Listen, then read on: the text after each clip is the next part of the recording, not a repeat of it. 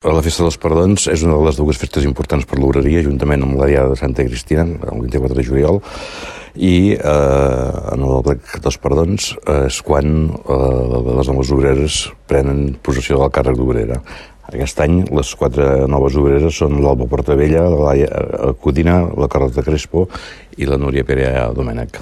Aquest any hem rebut més de 38 sol·licituds, eh, de noies de Lloret que volen, es posen a disposició de l'obreria per durant tot l'any estar eh, acompanyant l'obreria, siguent part de l'obreria i eh, per ells és una, una il·lusió eh, sentint-ho molt, mm, els càrrecs són només quatre i hi ha gent que hi ha noies que tot i haver estat escrivint la carta de molt de temps pues, eh, això es fa amb una reunió de junta, es fan les votacions corresponents i surten escollides les quatre obreres. I degut a la forta demanda que hi ha pel, pel càrrec d'obrera, eh, lamentablement hi ha noies que, que, que al final no, no, no, surten i, i, i és, és, és com és.